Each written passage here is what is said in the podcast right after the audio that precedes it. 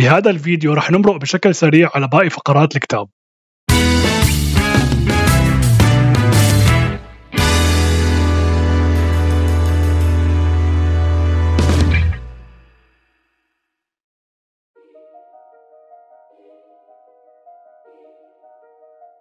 الغالبية العظمى من الناس تعتمد بهدفها للوصول للسعادة على طريقة معينة. هاي الطريقة عبر عنها الكاتب بالانتقال من التفكير للسلوك للوجود. ولما بقول الوجود بقصد فيها حالتك الشعورية المستقرة. خلينا نوضح الفكرة أكثر بمثال عملي. فرضا عنا شخص اسمه سعيد. هذا الشخص حابب يكون سعيد.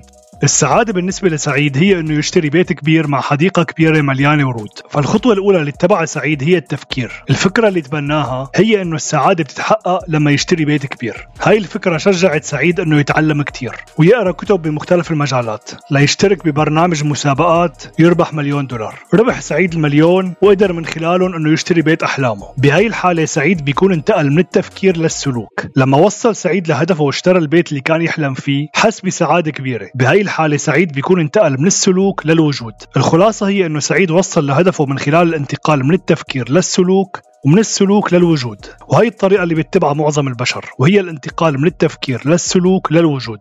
هلا المفاجأة السارة للمتابعين هي إنه الدماغ البشري عنده قدرة إنه ينتقل بشكل مباشر من التفكير للوجود من دون الحاجة للمرور بالخطوة الثانية واللي هي السلوك. وهذا الشيء بيتحقق لما تفكر خارج حدود البيئة والجسد والزمن. بهاي الحالة الفكرية دماغك ما عاد يفرق بين الشيء اللي عم بيصير بالعالم الخارجي للواقع والشيء اللي عم بيصير بعالمك الداخلي من الأفكار. لهيك إذا عودت حالك بإنك تعيش التجربة اللي بتتمناها بالفكر وحده فرح تختبر المشاعر المرافقة لهذا الحدث قبل ما يظهر بالواقع المادي. هيك هيك بتكون عم تبني حالة جديدة من الوجود. لأنه جسمك وعقلك صاروا يشتغلوا كشيء واحد. لما تقدر تختبر الحالة الشعورية لتجربة ممكن تصير معك بالواقع المستقبلي. من خلال تركيزك عليها فأنت عم تعيد كتابة عاداتك وتصرفاتك وبرامجك اللاواعية اللي بترغب بتغييرها.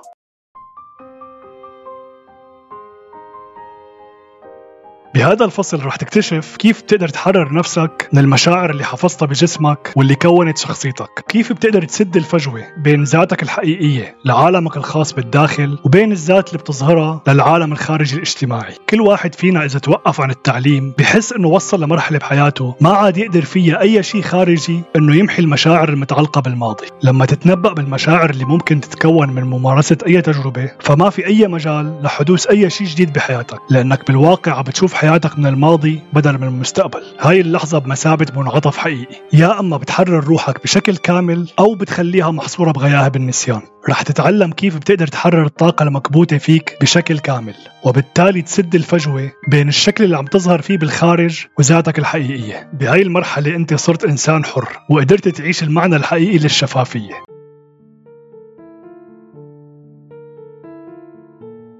بهذا الفصل رح نتعرف على التقنية اللي بيشرحها الكاتب لتطبيق المعارف اللي اكتسبناها بالفقرات السابقة واللي هي التأمل. رح نشوف كيف تتغير الموجات الكهرومغناطيسية بدماغك لما تكون مركز وحاضر أو لما تكون بحالة إثارة نتيجة الضغوطات اللي بحياتك. رح نتعلم أنه الغرض الحقيقي من التأمل هو تجاوز العقل التحليلي والدخول للعقل الباطن لإجراء تغييرات حقيقية ودائمة. الهدف الحقيقي من التأمل هو إنشاء وحفظ التماسك بين الأفكار والمشاعر بحيث أنه ما يقدر أي عنصر بالواقع الخارجي لا شيء ولا شخص ولا أي ظرف بأي مكان أو زمان بأنه يزيحك من هذا المستوى من الطاقة بحيث أنك تستعيد السيادة الكاملة والسلطة المطلقة على جسمك وبيئتك والزمن.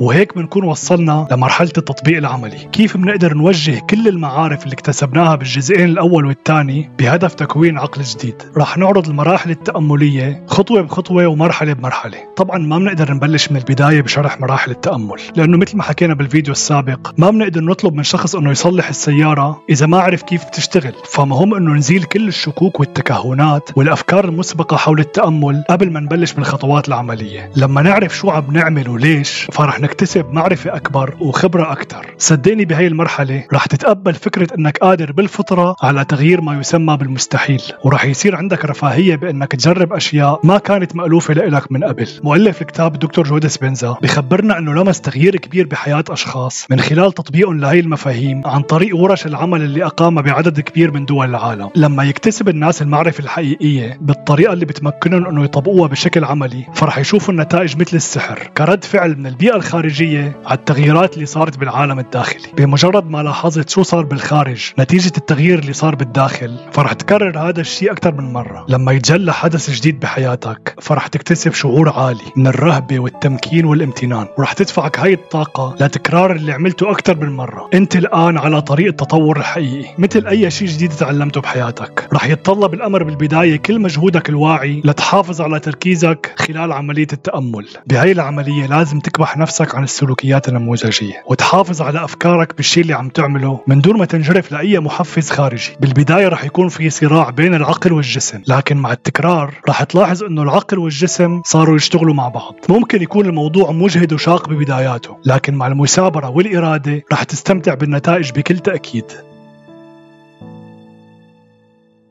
وهيك بنكون أنهينا شرح المقدمة. وصار عندنا نظرة شاملة على محتوى الكتاب. بالفيديوهات القادمة رح ندخل بالتفاصيل ونتعمق أكثر وأكثر بالأفكار اللي حكيناها بالفيديوهات السابقة. رح أعمل جهدي قدر الإمكان بأنه يكون الشرح بسيط وتفاعلي بأنه ما يكون مجرد سرد حرفي لمحتويات الكتاب. ممكن نضيف مقاطع لأشخاص بيحكوا عن تجربة شخصية متعلقة بمحتوى الكتاب واحتمال بالمستقبل إني أعمل مقابلات مع متخصصين بيحكوا عن وجهة نظر بجانب معين من الكتاب. بالفيديو القادم رح بلش بشرح الفصل الأول من الكتاب. الكتاب واللي رح نعرض فيه مفاهيم الفيزياء الحديثة أو فيزياء الكم. كالعادة بتمنى لكم حياة سعيدة.